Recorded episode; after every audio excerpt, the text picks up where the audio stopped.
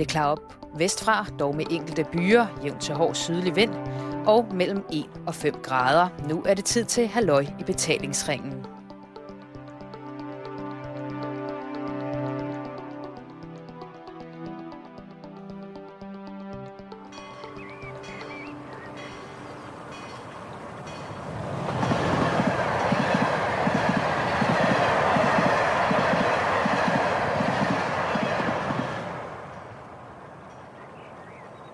Der fandtes et sted rent geografisk i Danmark, som hed rimelig meget ingenting, så er det her Bjarne bor. Det har han ikke altid gjort. Men det er der, han bor. Ikke fordi det er ingenting. Slet ikke. Der er bare ikke så meget andet end lige præcis Bjarne. Hans hunde, Nana og Balders kone Gudrun. Og så er der rigtig, rigtig mange bøger. Og selvfølgelig Bjarne.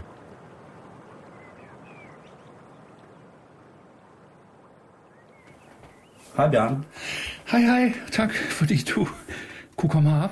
Tak fordi vi kunne finde det. Ja, ja det var svært, var. Det er jo også midt ude i... Altså, du, man fornærmer ingen ved at sige, det er midt ude i ingenting. Ja, vi plejer gerne at sige uh, Lars Tønskidsmark. Det er, så kan vi ikke komme ret meget længere ud. Nej, det er... Men det er jo her, min familie blandt andet kommer fra. Så det er jo også derfor, vi vendte tilbage hertil. Og øh, min bedstefar, øh, altså vi er ved Jammerbugten, og vi er med Svingklev, altså det fine Svingklev, øh, ud til havet. Og så kommer vi længere op hertil, hvor vi så kommer til Tranum Strand og Ejstrup Strand og Rødhus, så ved folk, hvor det er. Og så øh, det her Klithuse, det var jo et område, der stort set ikke kunne hænge sammen. Det var jo fattige husmænd og landarbejdere og så videre. Så her kom min bedstefar som 10-årig og øh, mistede begge sine forældre. De døde af tuberkulose. Og så kom han herud. Og så for øh, ni år siden, øh, der købte vi stedet her.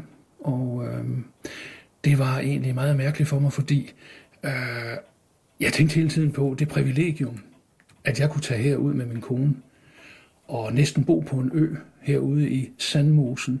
Og for min far og min bedstefar, der er de slidt og knoklet. Så der fandt jeg et træå, som hænger nede i det, jeg kalder mit børneværelse. Og et trav, det er et, et, et stykke træ, som man i gamle dage har haft over skuldrene, og så har man kunne i hver ende hænge en spand med Ja. ja. vand eller mælk. Sådan. Ja. Og så tænker jeg også tit, for jeg var, jeg var kommet i den mugne alder, det gør man, når man bliver 64-65. Og det vil sige, at man, øh, der, der, der er sgu mange vejrudsigter, man ikke er helt tilfreds med. Og der er også øh, indslag i det politiske liv, hvor man siger, du gode Gud. Men øh, nu min kone og jeg stemmer jo helt forskelligt, så det betyder, at vi er ikke enige om det, når vi sidder sammen med dem. Men der tænker jeg også, hvad er det, vi klager over? Os, der lever så privilegeret, og så har han en bedstefar, der gik med træu. Det var hans beskæftigelse. Ej, altså jeg, jeg, jeg er egentlig rimelig godt tilfreds med tilværelsen. Og du er storbymenneske? Ja, det er jeg faktisk også. Det er der ikke mange, der tror, men øh, jeg har, jeg har haft den lykke, at jeg først, øh, da jeg blev de her 17-18 år, der kom jeg til Aalborg øh, som ganske ung. Øh, og der, øh, der, jeg ville jo egentlig gerne have været skuespiller i sin tid, øh, fra Provst. Øh, fordi øh, vi spillede meget øh, teater på øh, Realskolen, da jeg gik der. Og så kom jeg faktisk også til at gå på øh, Jomfru Anden Teater sammen med Jens Ocking og, øh, og øh, Sidi Toral blandt andet også. Meget stolt af det. Og øh, så skulle jeg så, så på studenterkursus. Det gik den vej hønsene skræbte. Det blev vi desværre nødt til at sige, at jeg fik meget dårlige karakterer. Øh, jeg fik øh, dumpe karakterer i græsk og latin. Og for han så også, det, kunne- det kunne også sige, at man godt have såret dem, fordi din hjerne, den er ikke større end Pinocchio Vi kan simpelthen høre, når du går. Sådan. Og det, øh, det gjorde så, at, det, at jeg begyndte med undervisning. Øh, jeg fandt meget hurtigt ud af i tidligt i mit liv, at jeg kunne godt formidle, jeg kunne fortælle, altså en folkelig fortæller, og øh, at folk havde stor tillid øh, til mig, selvom jeg kun var de her 18, 19, 20 år. Så der begyndte jeg, og der blev jeg storbymenneske i Aalborg, øh, boede inde i hjertet af Aalborg, og kom så senere til Aarhus. Og øh, Aarhus har så været min hovedstad, hvis vi kan sige det sådan, øh, fra jeg flyttede derned i 73, og øh, til min kone og jeg så flytter fra Odder. Altså Odder, Aarhus, det er jo ligesom, hvis du tager øh, Brøndshøj, København, eller altså de der øh, jeg skal vel sige 20 km fra centrum Ølstykke, eller hvor du nu er henne i, i København. Så Aarhus, øh, jo, jeg er også øh, storbymenneske. Jeg elsker gå ind. Det kan være kunstmuseum, øh, det kan være antikvariater, du kan jo se, vi kan ikke være her for bøger. Og øh, det har også noget at gøre med, at jeg øh, altid har, har elsket den anonymitet midt i, øh, hvad skal vi sige, storbylivet. Jeg kan godt lide, at det, der er tusindvis af mennesker omkring dig, men samtidig, altså for eksempel at komme til, til Søndermarken i København, vide, at der ligger, der ligger Bakkesens øh, hus, ikke? og så kan du gå ned i Kongens Have og, og se... Øh, sådan noget, det elsker jeg. Og så anonymiteten samtidig med, at det er dybt kvalificerede folk, der bor i storbyen. Ja, fordi at heroppe, der er man jo også, øh, der er man anonym på stedet rent geografisk, når vi er herude i Sandmosen. Mm. Men de mennesker, der bor i 20 km omkreds herfra, de ved satan ned med nok, hvem der bor her. Det kan du tro. Ham der Brovs der, Ja, sagde man rigtig klog, du. Ved du hvad, jeg snakker fanden af det, ja. Det kan jeg godt se det. Og så har jeg, øhm, så har jeg fuld af løven. Jeg har skrevet de her mange, mange, mange, mange bøger. Og godt se halvdelen del af Rene Løven nu. Og har lige hørt hans kusine, Mette. Hun blev simpelthen så galt, fordi, ved du hvad, jeg og min bøger, der er gået med to år ældre, du. Du kan sætte med tro, at galt ved det, Bjarne Fut. Og øh, det er jo sådan noget af det, jeg elsker, det er jo stå ved sin egen, sin barndom, sit sprog. Øh, jeg mener, der er store historier i det, og øh, det er godt nok spindelvævs tyndt, det du laver. Men det er skrevet med hjertet. Men det er det jo også, hvis du tager, lad os bare tage København. Hvis du tager øh, øh, en forfatter som Storm P., han bliver altid betragtet som tegneren, men han er jo også en meget stor forfatter, der evner at få replikkerne til at stå lige nøjagtigt, sådan at hver gang man Karl Larsen, den gamle københavnske forfatter, Christian øh, Vesterbro osv. Så, så jeg er egentlig både til Børland, men også til, til det, vi kunne kalde storbylivet. Og så nævner du øh, Storm P. Ja. Og han var jo udover forfatter og opfinder alt muligt andet, så var han jo også, og maler, så var han jo en kæmpe humorist. Ja. Og det er du i den grad også. tak skal du have. Hvad hedder det? Ikke mindst, når man bliver budt velkommen, det er dejligt at være her. Men du har jo også sådan mere, nu, nu taler vi om sådan den her farlige intellektualisering, der er på mange planer, og hvor man skal snakke om at forklare og gå dybt ned i ting, og der er ting, man kan bevæge sig på i overfladen og stadig virkelig blive klogere på, end hvis man gik i dybden af det, hvis man danner sin egen mening ud fra det. Og der er øh, grunden til, at jeg er kommet op, det er fordi, du blandt andet har et foredrag, som hedder Fra Åkær øh, til Havskov, Ja, som handler om jysk humor. ja, Og der er jo ufravigeligt noget med den jyske humor, det jyske lune, mm. der gør, at alle os storbyboere øh, klodser os sammen, når for eksempel Niels Havsgaard træder på scenen inde midt i København K. Mm. Eller i Aarhus for den sags skyld. Ja. ham holder jeg jo kolossalt meget af. Hvad er det øh, med den her jyske humor? Fordi i, i København, der har vi jo også i storbyerne, ja, nu er det så blevet mere udbredt selvfølgelig, hele landet kender det selvfølgelig med stand-up, og sådan, hvor man har meget hurtig humor. Det vil sige, at man har en vidighed, man bygger op kort, og så inden for et par minutter, så får man også en punchline, altså Mm. hvor Niels for eksempel, eller Jakob Havgaard for den så skyld, eller Allan Olsen, mm. eller hvem der nu er herfra, de fortæller historier. De laver jo ikke noget vildt billede af en eller anden mærkelig diskoteksfest med, med mokrejflasker i alle kropsåbninger og alt muligt. De laver jo en historie, der hedder, at, at nu snakker vi igen om den her hvide sovs over det lidt for kogte blomkål. Ja. Hvad er det med den her jyske humor, som vi har brug for, og som folk higer efter? Jeg tror først og fremmest, at det er replikken. Altså, det er noget af det, Niels Hausgaard er en utrolig stor mester i. Han er jo en meget stor øh, digter og lyriker. Vi hører jo altid, at det, det er musikeren, det er komponisten, der sætter de her ting, men han er jo en meget, meget stor øh, poet og lyriker. Øh, jeg mener, at øh, når han går ind i øh, en tekst, øh, for eksempel øh, hvis det nu er øh, den med, at nu skal han til at sige farvel til Marie, øh, når Marie øh, nu er mørkt, månen tjekker frem. Amager vist heller sige at hjem i seng, Peter Marie. Nå. Og de kan ikke rigtig få taget afsked. Så begynder hun at klø på ryggen. Og det er jo også noget af det, som både københavner og sjællænder og fynboer kender til, at man kan klø på ryggen. Klør du på ryggen? Ja. Men så viser det, at når jeg langt ned, du klør. Altså det, man kan sådan mærke, at, at det er alligevel, der er erotik, der er spændinger, der er følelser mellem dem, men det er altså gjort med en, en sårbarhed, som er meget stor. Og det er i øvrigt en tradition i jysk humor, Det begynder faktisk, og det kan jeg da ikke lige lade være med at sige, at jeg har fundet den frem. Den hedder Jysk Stævne.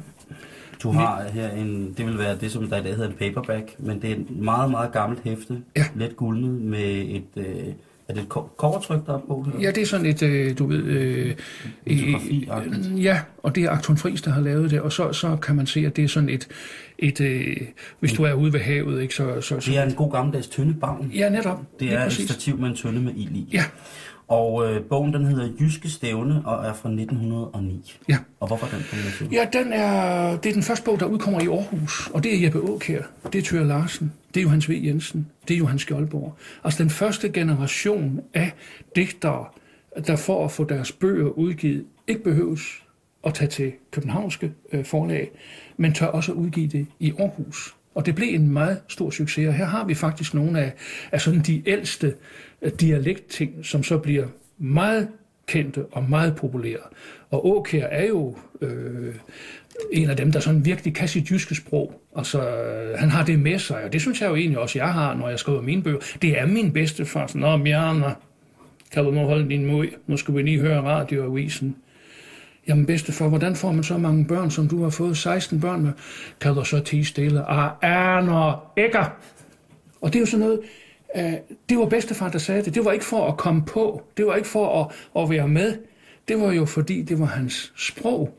Og nu skulle han høre radioavis, for nu kom pressens radioavis. København, Kalundborg, Langbølge sender.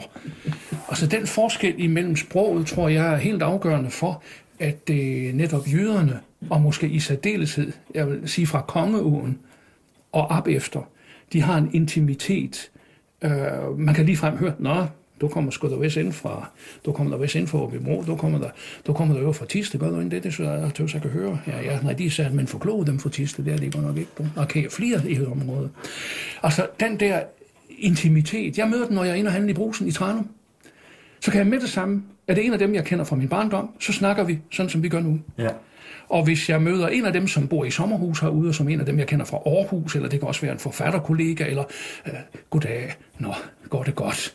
Og øh, ja, det går mægtigt godt. Vi har godt nok lidt døje med tagrenderne for øjeblikket. Ikke? Altså, det elsker jeg sådan, noget, den der, den sproglige, at kunne høre det. Man ændrer tunge. Ja, det gør man simpelthen. Mm. Og, så, øh, og det gør jeg jo også i mit forfatterskab. Altså de der bøger, jeg har skrevet om min familie, der har vi jo den fine familie fra Sorø, mm. som har gået på Harslev øh, Seminarium. Ja. Og de har været sammen med, med selveste Olfert Ricard i Garnitionskirke. Hvor satan det er det, sagde de så de andre, når de kom hjem. Fordi den ene var religiøs, men den anden, øh, de kom fra Vildmosen. Og vi skal have det hele til at hænge sammen. Det er hårde tider. Hvis at have stavning her. Sådan. Og det er jo, Så var han lokal. Ja, og der tror jeg, at øh, når jeg har haft de her ting som barn, så er det fordi min mors familie var, man kan sige, en intellektuel familie og veluddannet, og min fars familie, det var jo, der var ingen af dem, der ikke kom ud og tjene som 8, 10, 12-årige. Og der tror jeg samtidig, at øh, vi undervurderer, at sådan er det faktisk også i dag. Fordi der er masser af unge mennesker, der ikke får lov til at lave de ting, som de gerne vil, fordi alting er i det højeste niveau, altså uddannelsesmæssigt, elektronisk osv. osv. Der er ufattelig mange unge mennesker, der ikke får de muligheder, som jeg fik som barn.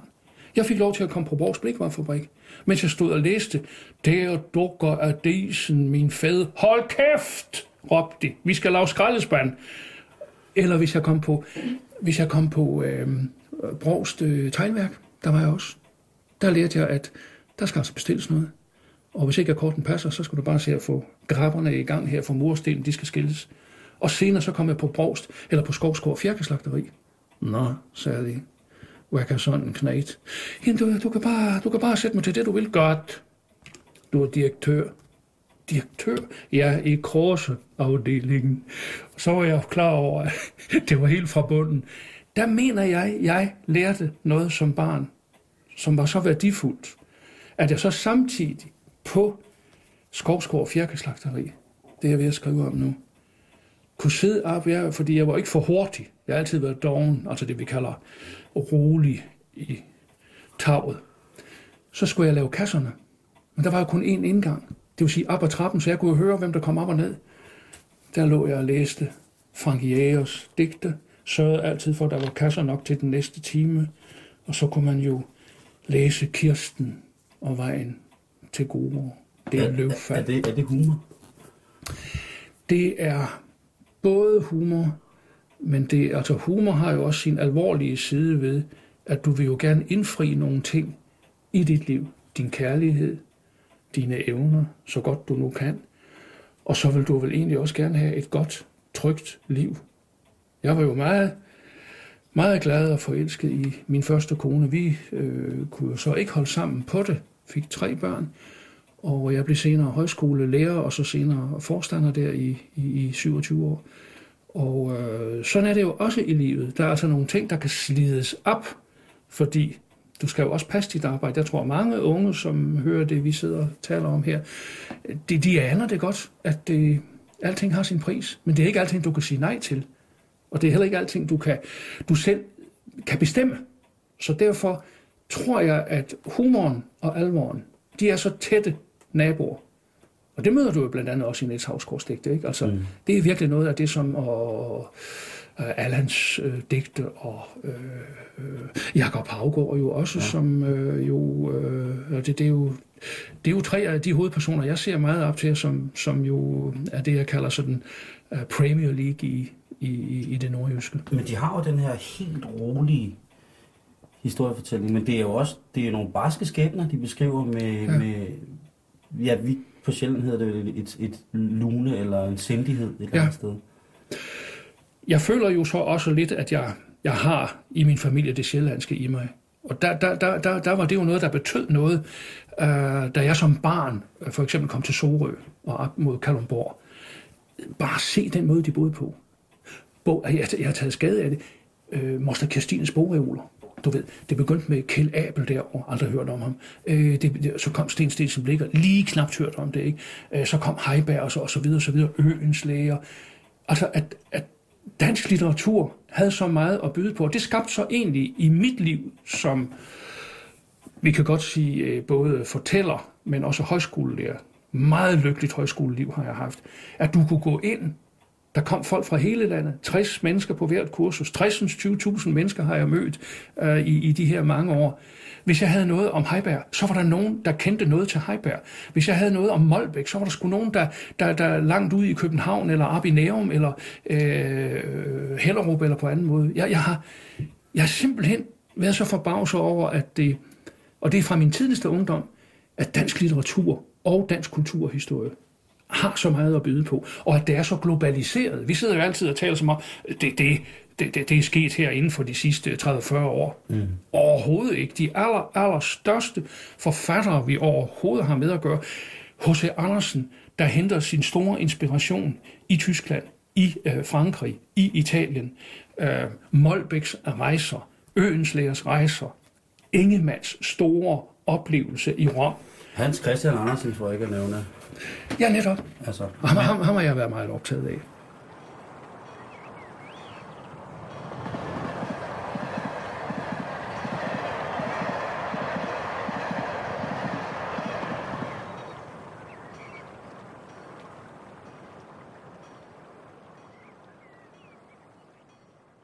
Men du har jo det her foredrag, der hedder Fra OK til Havsgård. Ja.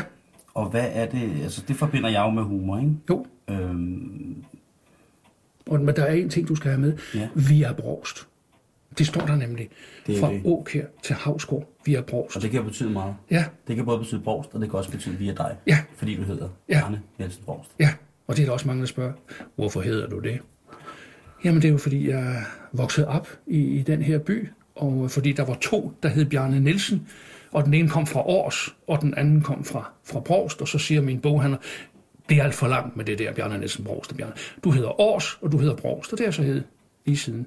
Men, men netop humoren hos Åkær, altså den generationsforskel, der ligger mellem hans opfattelse af næsten en klassisk øh, Hvornår taknemmelighed. taler vi her? For Ja, ja, det... Ikke, med, vi taler om Jeppe Aukjær. Ja, nu er det Jeppe Aukjær. Der, der, der vil jeg sige, her skal vi så til 1899, øh, lige ind i det nye århundrede, og frem til Rugens sange udkommer, og så den store samlede digtsamling øh, under Første Verdenskrig. Det er jo øh, Ole sad på en knold og sang. Det er jo øh, oversættelsen af Sku gammel venskab rent for gå. At, at sproget godt kan sige det samme, også i humoren. Hvorimod, øh, hvis du så går videre med, med Tør Larsens, Gret Tammesen digte eller Skjoldborgs, jeg, jeg, jeg, jeg synger lige første vers. ja tak. Ahov, hvor godt med bedte te, vi får som ures hus, hvor hus i lave i præstens haver, tæt ved fjordstrand. Og så får han skrevet os til sidst, her gik ved fjordens bred vi børn, og havde det så godt med hinanden, og så blev vi også store bymennesker. Og det samme er jo tilfældet med Niels Havsgaard. Altså Niels, det, det Niels Havsgaard jo er fremragende til i, i, i sine sange og digte, det er jo netop, så har vi en mand op fra øh, Hundelev, eller fra Lykken, eller Hirtshals, eller hvor han kommer fra.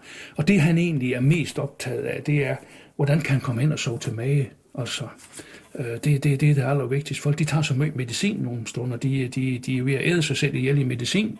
Men det bedste, de kan gøre, det er først en halv time på den ene side, og så en halv time på den anden, og så på røren en time til halvanden. Og der oplevede jeg jo netop, da Niels Havsgaard brød igennem, at det var en stor konkurrence, som var ved Nordjyllands Radio, ved Paul Strier Poulsen.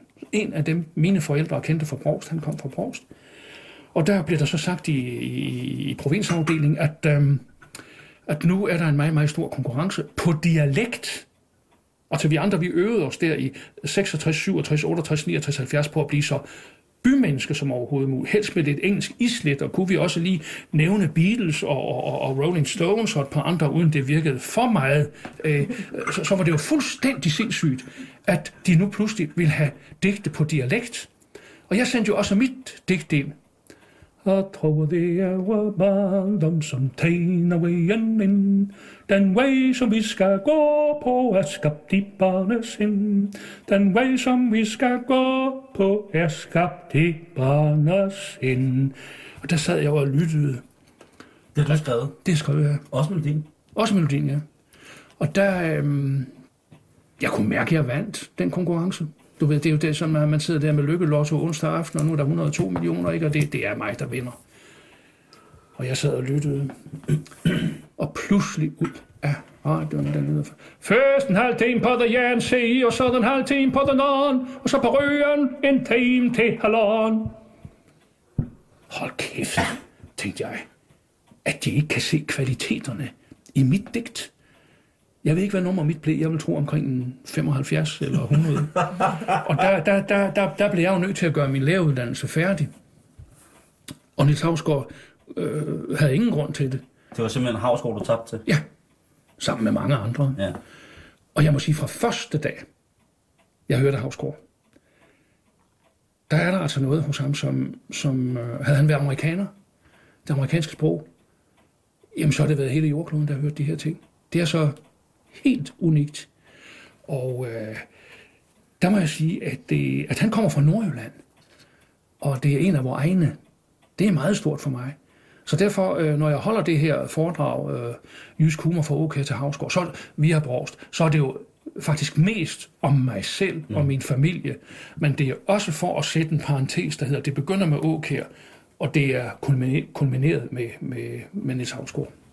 Indtil videre. Det er jo ikke til at vide om. Men nu har du skrevet, altså forfatter til, vi sidder her med en stak af dine bøger, Ja. øh, som jeg lige kan tage her. Vi sidder Ja. ved stuebordet, og vi skal lige have den forbi kalenderlyset. Ja. Og nu nævner jeg flæk i titler. Ja. Bedstemors paradis have. Mm. Min fars station. Bjarne alene i verden. Ak ja. Bedstemors badekar med løvefødder. Mors lykkelige sommer. Mormors hus. Op, lille Bjarne, op og gå i skole. Her er der min bedstefar og andre sære og kloge folk. Min grundviske oldefar. Moster Kirstines livsmod. Mormors magiske fortællinger. Mm. Mormors jyske rødder. Øh, mors porcelæns konkylie. Øh, og, og det fortsætter. Ja, ja. Det er øh, historier Ja. Fra dit eget liv. Det er det. Heroppe fra. Og jeg, nu er jeg efterhånden ved at blive 12 år. Vi er jo dog kun kommet til bind 14, ikke? men, men uh, det går fremad. Og jeg skal sige, jeg har jo ikke læst nogen af de her ting, men det, det tyder på, at humoren har, har en stor plads hos dig. Den skal være der. Altså, jeg prøver på både at øh, få det alvorlige med, altså den person, jeg omtaler, og selvfølgelig er der nogen, der siger, ah, det, det var da ikke kun den side af ham. Men jeg havde som barn for eksempel øh, i min barndom øh, postjus, fordi jeg var handicappet og havde en meget dårlig hånd og kunne ikke, øh, måtte skrive med venstre hånd, fordi jeg havde brændt den på et komfur. Så tog postjus mig med ud og delte aviser ud. Og øh, Dals Varehusets julekatalog, sommerkatalog. Nå, sagde Jos, nu, nu skal jeg lige have en smøg. Og så kan du godt gå ind med det her. Og når jeg så gik ind, så fortalte han om hver enkelt person. Så fortalte han om øh, det gode og det ulykkelige. Det kunne være en, der måske øh, var gået nedenom og hjem. Det var der jo mange, der gjorde her i, i de første år efter krigen. Ikke? Eller det kunne også være en meget lykkelig historie, en kærlighedshistorie. Eller det kunne også være, øh, jeg glemmer sgu aldrig engang, vi kom ned til Oscar Vibe. Han kom egentlig, hans far øh, var amerikansk øh, statsborger, med lidt dansk baggrund, også med jødisk baggrund. Så skulle man til at anlægge jernbanen herude mellem Tisted og Aalborg. Og øh, der kom jo mange. Og der møder han så Marianne Sødeste. Og Marianne Sødeste, hun kunne ikke kigge lige ud. Hun havde ligesom sådan et øje ved, der er nogen, der kigger til den ene side. Et vissent øje? Ja, øh, nej, sådan et, øh, du ved, han, øh, hun kunne kigge direkte med det ene øje, og det andet, det røg sådan ud til siden, så man, man tænkte også helt, hvad fanden ligger der derude, man ikke har, har, har set endnu. Så hun er sådan en autonom øjenmuskulatur? Ja, ja, ja. Og hun blev selvfølgelig forelsket i øh, Oscars far. Men han var jo en fuldstændig klassisk amerikaner. Øh, da jernbanen var nedlagt, øh, og hun havde fået øh, barnet der, der forsvandt han ud i den blå luft. De så ham aldrig mere. Øh, brudekjolen fik jeg også videre postjus. Brudekjolen var færdig. Øh, den skulle bare lige sættes sammen. Den blev aldrig mere brugt. Og der kom så Oscar Vibe til. Og da jeg som barn elskede at samle stenøkser, flækker, det er jo et gammelt øh, oldtidslandskab, vi er i her ned til, til Limfjorden, eller fugleæg, så kom Oscar Vibe, eller Vibe Oscar. Han havde sådan en stor hårtot bag til her, så han lignede fuldstændig en vibe, du ved, når den sådan kommer flagrende igennem luften. Han røg sin pibe, og så var han ude om natten for at finde fugle og mad til sin mor. Fra november til februar, der gik hun ikke ud af sengen, undtagen hun lige fik en natpot stukket ind en gang, men hun blev i sengen i tre måneder. Hun var i? Ja, faktisk. Og så lavede han jo maden, samtidig med, at jeg har et billede, hvor Oscar sidder med en højtaler og hører torsdagskoncert midt i en ruin af et hus. Altså, jeg nævner kun dette for at sige, at selvom ting ser hervet og nedslidte ud, så kan det kunstneriske niveau, kunstneriske glæde, lykken ved klassisk musik, jeg kan, jeg kan ligefrem sige, at det, det må være Mozart, han hører, eller det kan også være Tchaikovsky. Eller... Men der var han, og når så Postjos og jeg kom, når vi skal lige til Oscar Weber, der er lige lidt reklamer, så var Christian den 10. på sin hvide hest på gangen over grænsen i 1920. Der havde han haft det billede hænge over sin divan i mange år. Men billedet var sgu faldt ned, snoren var knækket. I de 4-5 år, jeg kom i det hjem, der var det kun at sætte en ny snor i og hænge det op på sømmet. Det skete aldrig. Det lå imellem divan og ind til væggen. Og hvad med hende han passer på? Hvad? Hende han passer på? Det hører jeg ikke. Nej, øh, ja, så forstod jeg det ikke. Var, Nej. Passer han ikke på en eller anden dame, eller var det? Jo, jo, nej, det var så, det var mig, det var hans mor. Nå ja, hans ja, mor, mor, ja. ja. Men, men øh, det, der sker her, det er, at, at det her billede, som bare skulle løftes, det fik han aldrig sat op. Så han lå der, når vi kom, så lå han og sov til middag, fordi han var træt. træt og så, så var Christian den 10. Øh, det, det er sådan noget, jeg tænkte, hvor er der mange mærkelige mennesker til.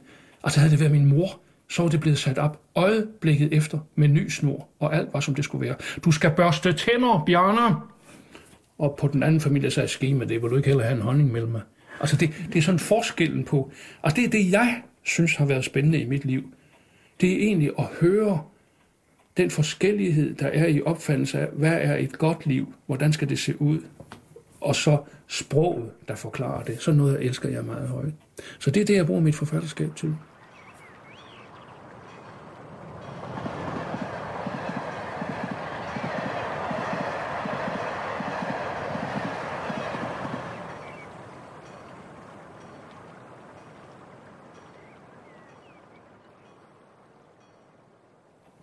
Nok sådan i mit øh, liv, at des ældre jeg bliver, des mere værdifuldt, synes jeg faktisk, min barndomsoplevelser har været.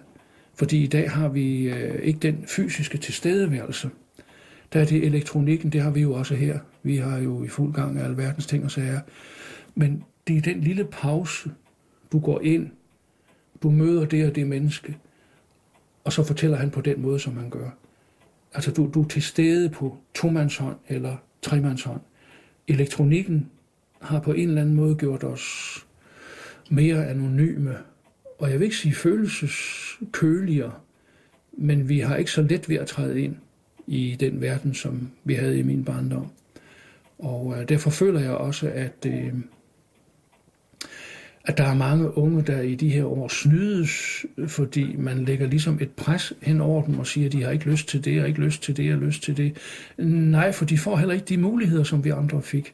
Der er jo ikke mulighed for at, at komme ned på, på Skovskår Fjerkeslagteri. Der er ikke mulighed for at komme på Brogs Teglværk, eller der er ikke mulighed for at komme ud i skoven. Jeg gik herude ved, ved, ved klitplantøren herude, nogle få hundrede meter herfra, og skulle samle kogler. Men det var jo ikke koglerne, der var det interessante. Det var jo det, vi talte om, der var det spændende. Og det er altså noget af det, som jeg tror, øh, at det, det, det er et stort tab for os. Altså det, det, det vil vi kunne komme til at mærke, fordi der kommer en, der kommer altså en følelsesmangel. Jeg vil ikke sige kulde, men mangel. Og derfor har jeg det egentlig også altid sådan, når jeg er inde og handle, eller øh, går i brusen, eller i Aalborg. Det er det, jeg godt kan lide ved storbyen. Der er folk lidt høfligere. Altså, øh, de, de, de, de, vi er jo i samme situation, når vi går i Aarhus eller i København. Fordi der kan vi godt lige stande sig op og snakke med folk. Øh, i, i, I en mindre by, øh, der, der, der kan man næsten sådan mærke, at det, der skal meget til, før man, man åbner sig i dag. Og det er jo nok selve sproget, og selve den omgangsform, og den kommunikationsform, vi har i dag, som er årsag til det.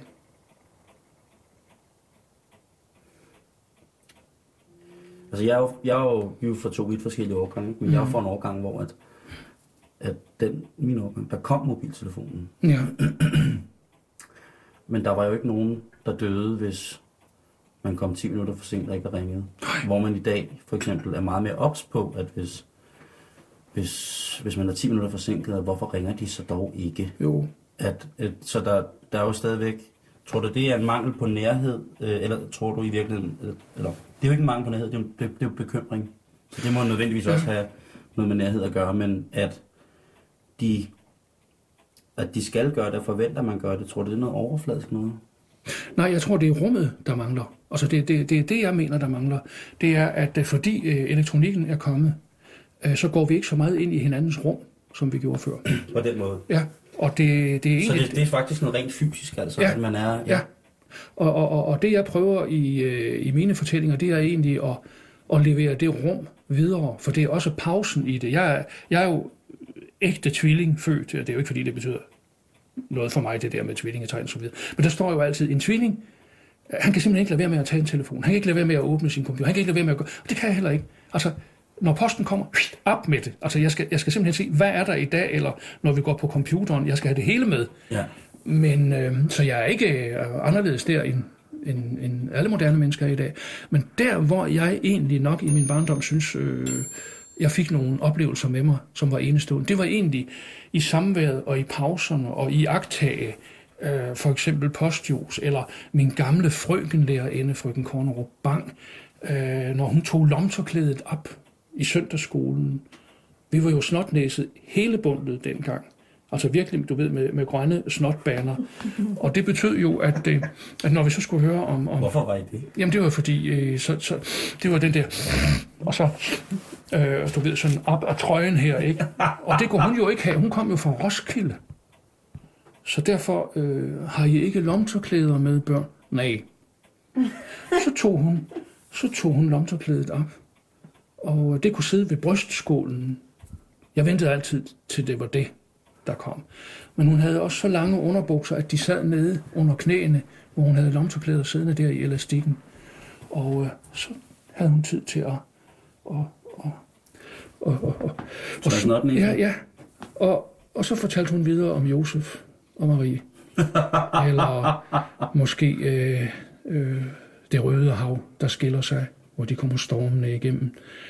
Øh, altså der, hvor jeg føler, at jeg har, jeg har været med i en oase, som Jeppe Aukær, som hvis du læser hans erindringer, eller vi tager øh, Johannes V. Jensens Himmerlands historie, Tordenkalven. Det er jo fordi, han har set Tordenkalven.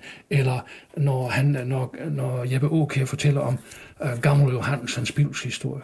Så er den her bitte dreng på tre år blevet sat op på skulderen af Gammel Johannes for at gå over Karup Å. Og pludselig en dejlig dag, det var lige omkring Sankt Hans. Der kommer tre personer gående. Den ene hans hoved højere end de andre. Hvem kunne en der menneske være? Lige med et slår ned i ham. Det var herre og to og hans engler. Det er jo ikke tit, de kommer forbi her i Klithuset, hvor herre og to og hans engle, eller hvor de nu kommer fra. Men jeg siger, det der var det enestående for Åkær, det var, at han sad på ryggen af fortælleren. På skulderen af fortælleren. Mm. Og sådan har jeg også oplevet i min barndom. Altså, jeg kalder dem kloge og sære folk, men det var de ikke. De var bare sig selv. Det var jo det, der var det helt utrolige. Og det har jeg nok øh, i min barndom haft en stor taknemmelighed overfor, fordi øh, der var ikke sådan en udvælgelse. Altså, man valgte ikke nogen fra, uanset om det var en, der var handicappet, eller en, der øh, var ditten eller datten, eller kom fra den ene, fra de fine eller de fattige, øh, så, så var der altså det rum der. Og det var nok ikke pædagogiseret også. Altså det er også noget, jeg synes, øh, det, det der var en befrielse ved at gå i skole i min barndom, det var, at en lærer var en lærer. Der var ikke tale om hverken pædagogik eller indberetning eller noget som helst. Øh, det, der skulle være ro i klassen. Men det var så, når frikvartererne var der. Når vi gik hjem, så, så kom alle de her små fortællinger. Sådan føler jeg, at jeg oplevede det. Var det derfor, du kunne klare kæft-tritterretning, eller var det fordi, er det fordi, du bare godt kan lide kæft-tritterretning? Nej, jeg vil sige, det var fordi, det var sådan.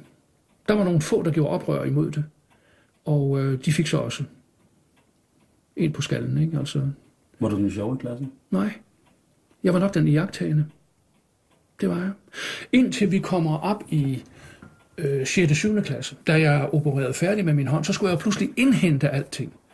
Det var liv og død for mig at være en af de frækkeste knægte, altså forstået på den måde, at da jeg blev 14-15 år, og sådan husker mange mig jo i dag, de kan ikke huske så meget op til at blive 14, men altså nu skal vi sat mod stjæle nogle ævler, du. Jeg tror ikke, vi kan finde nogle ævler herinde, eller nogle vindruer. Og øh, der var vi jo så på det, der hed øh, på mål. Og øh, øh, det var jeg helt med på. Eller nytårsaften. Der var jo ikke noget, der var skønnere end at, at tage folks morter og hundehuse og blikspande og lort og skidt. Og så hejste dem op i... Øhm, Nå, sagde far, der er nogen, der har væltet station. Min far, han var ansat på stationen i Borg. Der er nogen, der har væltet postkassen, og håber ikke, det er dig, Bjarne. Nej, nej, nej, nej, far. Jeg får, hvis det er det, så får du godt nok noget høvl. Det var mig, og et par stykker andre. Men øh, det er først nu, jeg tør fortælle det. Far ligger i graven, så jeg får forhåbentlig ikke ind på skallen denne gang.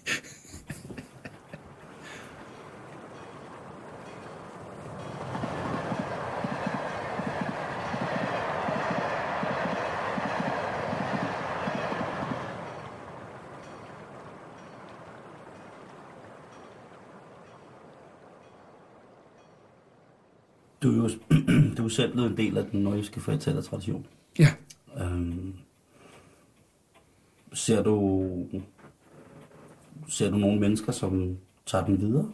Oplever du, er der nye mennesker? Jeg møder tit unge mennesker, som er heroppe fra, som er flyttet til storbyerne, mm. og som, når man spørger dem, om de har lyst til at flytte hjem, så bliver de fuldstændig skæve i fjeset, og ja. siger, at det var dog det mærkeligste spørgsmål i verden. Og der øh, må jeg også sige, øh, altså, København, det er hovedstaden. Det er der, de vil bo.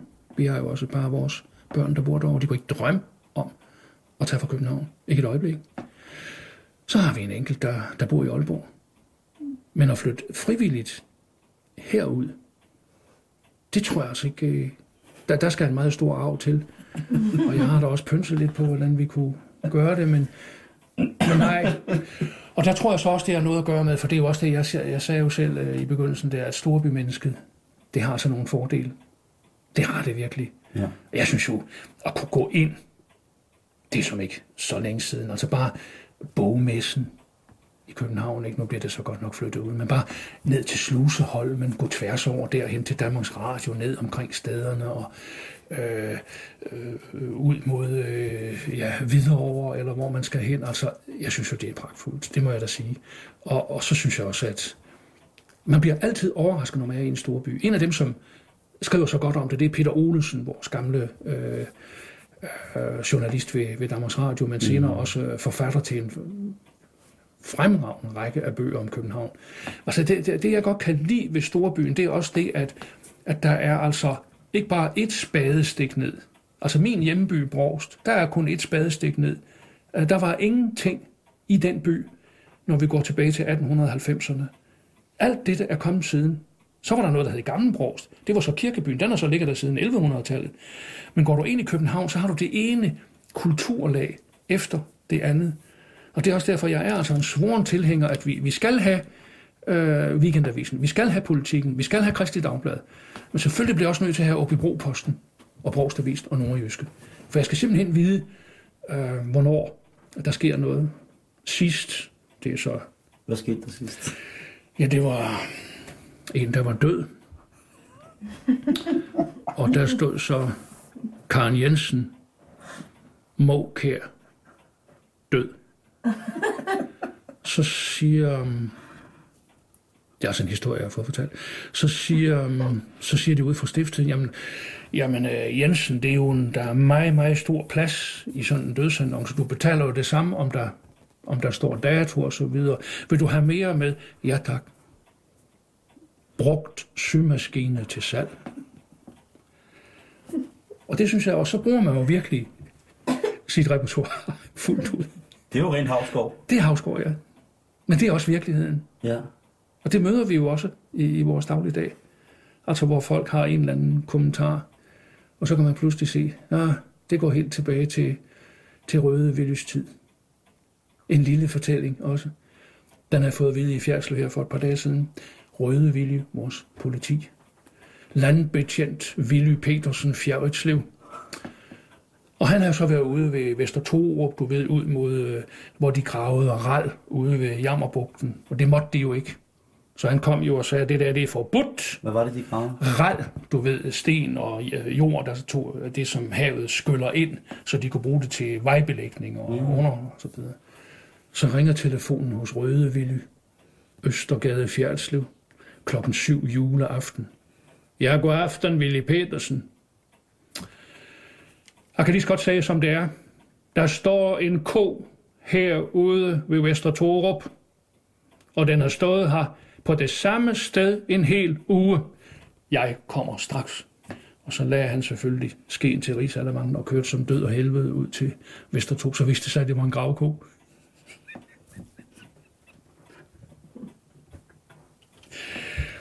Ja, der, der er mange gode historier.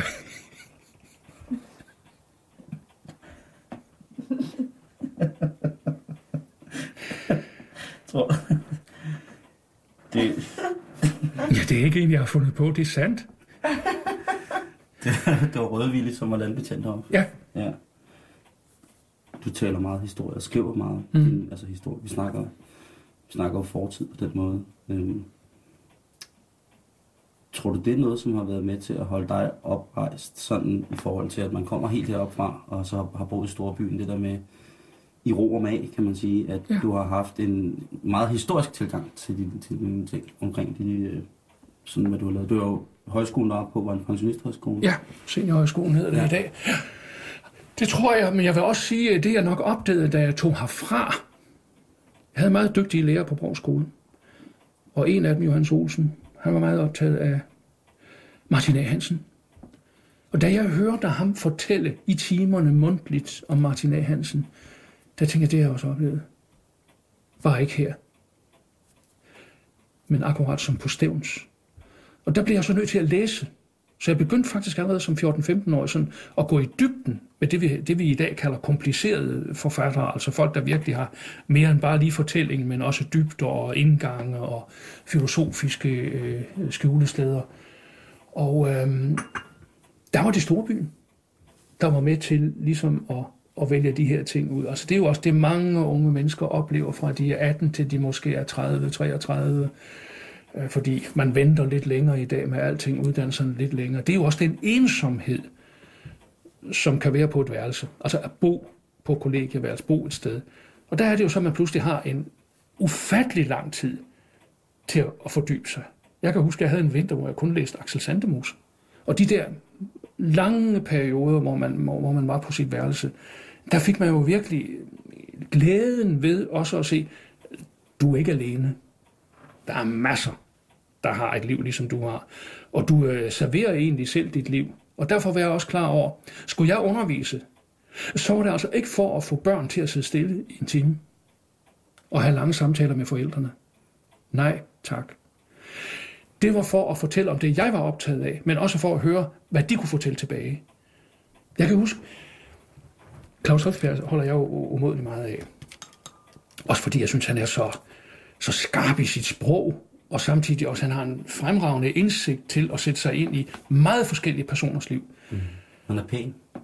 Ja, men også, øh, han, han har også... Og nu taler jeg bare rent fysisk. Ja, han ja, holder sig godt. Ja, det gør han. Ja. Det gør han. Det gør han altså. Og, og, og, og øh, han har så det der, Rifbjerg, øh, det er ikke en, du løber om hjørnet med. Han er, han er skarp med sine ting. Han er altså ikke en, øh, du ved, en, en, en, en mand, der går med eller mod vind. Han, han har altid været den, som han var. Så skulle jeg jo så selvfølgelig fortælle og sige, tør jeg nu læse digte op på højskolen? Og øh, jeg begyndte så at læse nogle af Rifbjergs digte. Fordi øh, det er det gode ved højskole, det er, at du kan være morsom og sjov en formiddag, men næste formiddag, der, der skal du altså også ned i, i muljorden for at, at lave nogle øh, ordentlige ting, ikke? Ja, ordentlige ting, altså du ved, øh, øh, intellektuelle... Ja, ja. Man skal stimuleres på forskellige steder. Netop. Altså Der- inde i hovedet. Ja, og der sad, så, ja, ja, så sad der to piger, omkring en 60-65 stykker. Det her, det er så måske 15 år siden. Jeg kunne se, øh, jeg læste Rifbjerg, og jeg havde jo selvfølgelig hey, Ammer og digte konfrontation under hver med mig selv, og, og så videre, og så videre, og så videre. Og jeg tog op og læste lidt ligesom, du ved, man skal læse.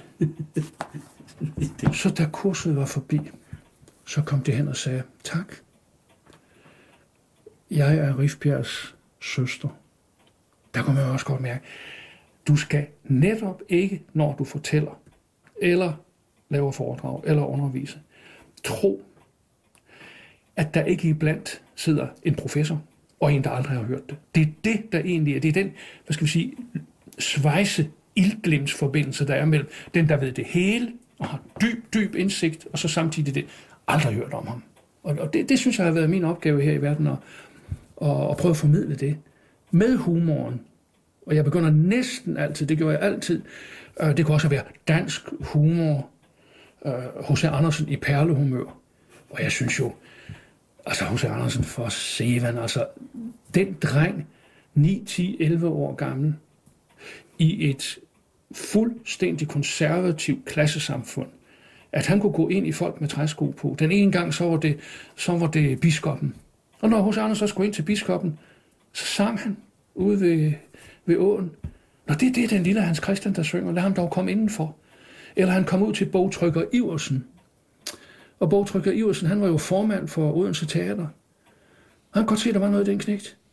Så fordi H.C. Andersen selv opsøgte ham, selv viste sine ting, så blev han statist øh, på Odense Teater. Det var teatret. Det var hans mærkelige fysionomi, der gjorde, at ham kunne vi bruge. Og der gjorde man det for eksempel på det kongelige teater.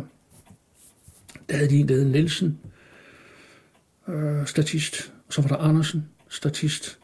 Og så gik lyset jo tit ud på det kongelige teater. De har jo ikke elektrisk lys, som vi har. Det var jo store glasbeholdere med, øh, med stearinlys, og hvad der nu går, og petrolielamper osv., så videre.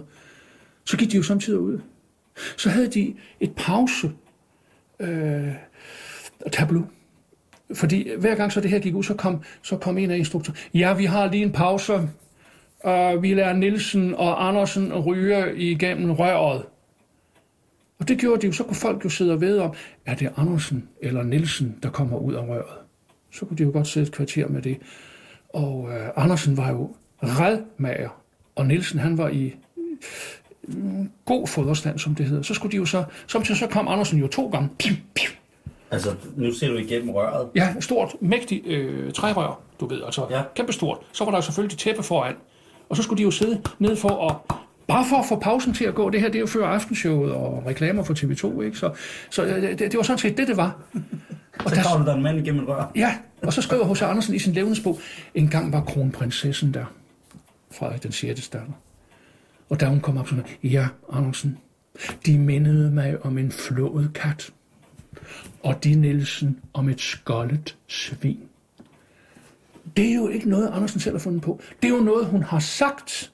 Det er jo replikken i en nødskal. Og det er der, jeg også synes, Andersen er også en vidunderlig fornyer af det danske sprog, fordi han siger det, folk har sagt. Og så siger han det ærligt. Ja, det gør han. Og så er det jo noget med... Han har jo også vist selvironi. Ja, Helt vildt. Ja. Ikke ved at fortælle, at han lignede en flået kat. ja. Og det er jo så også det, jeg synes måske var det store ved Åkær, da han begyndte med de jyske digte her i 1902.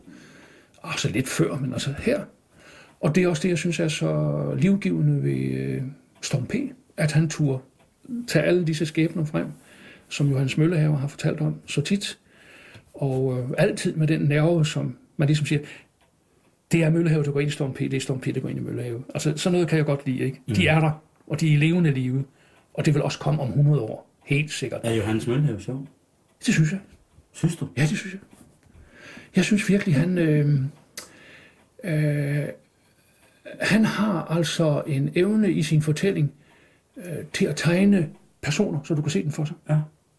Hvad skal, ja, nu har jeg kun læst meget, meget lidt sporadisk og hørt ham tale, Johannes Ja. Møllenhave.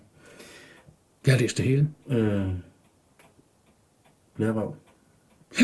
Jamen, det mener jeg også. Men, øh, men hvis jeg nu, Bjarne, skulle... Øh, jeg vil jo gerne give folk en chance. Ja. Og øh, jeg synes også, Johannes fortjener en chance. Mhm. Mm-hmm. Hvis jeg nu... Og der sidder andre, som måske tænker, at Johannes Møllehave, han er simpelthen så kedelig, så at når han kommer over fjernsynet, så ryger farverne af. Hvad skal jeg så hive fat i af Johannes Møllehave? Det skal være noget, som jeg kan begynde... Det skal være en, en, en, en lille haps, jeg kan få. Ja, det skal. Det skal ikke Ja. være for voldsomt. Altså først vil jeg jo lige sige til de unge mennesker, I trænger lige til, som min gamle skoleinspektør sagde, en lille en på kassen, fordi det, det, er ikke, det er ikke Møllehave, der er problemer med, det er sådan set jer, der er problemer med. Og så vil jeg øh, sige, at øh, første gang, jeg læste på Mørens Fodsti, hans allerførste erindringsbog, der fandt man også ud af, denne københavner-dreng, hvor svært han har haft, også i sin ungdom. Og så evigt og altid, som Møllerhave jo har gjort det, han gør ikke nogen ting færdig, uden at han er helt nede i dybden af det. Det må være død opslidende. Og uanset om jeg har læst hans erindringsbøger, eller jeg har læst hans gennemgang af H.C. Andersen, eller øh, hans kærlighed til øh, øh, danske digter i al almindelighed, og i særdeleshed øh, måske netop lyrikerne, jeg synes altid, det er godt. Han er din Justin Bieber. Ja, jeg føler, at det litteratur, fortælling i dag, øh, det bliver en større og større sjældenhed. Men man skal så ikke tage fejl af, at i de nye øh, rum, der kommer, der er der jo mange fremragende stand-up comedians, som, som virkelig også, det er jo sådan, når man sidder, man, er, man kan næsten ikke få luft, ikke? Og øhm, så må ikke det hele gå videre. Jeg er ikke så bekymret. Jeg tænker, Bjarne, her til sidst om... Øh... Bjarne, du har fundet et, øh, et digt. Ja, det har jeg. Og det er den, jeg har skrevet om min mor. Fordi øh, hver aften, så kom min mor op ad trappen. Far var jo på stationen, han havde aftenvagt. Og så kan jeg sådan høre hende gå hen over loftgulvet. Så lige sådan lige, kom ind. Så satte hun sig. Natten er så stille, luften er så klar, dugens perler trille, månen stråler spille hen ad søens klar. Så læser jeg det. Bølgens melodier, vugge hjertet ind, suk og klage tiger, vindens pust befrier det betyngte sind. Det var Johan Louis Heiberg, der har skrevet det. Weisse havde sat det i musik. Det vidste jeg slet ikke som barn. Det var bare, nu kunne jeg godt sove. Nu stod månen ind af det her lille tagvindue. Nu kan jeg høre toget komme fra Tisted eller fra Aalborg. Gadagong, gadagong, gadagong, gadagong. Stanse, se far stå med sin signallampe. Og så sov jeg. Og dagen var forbi.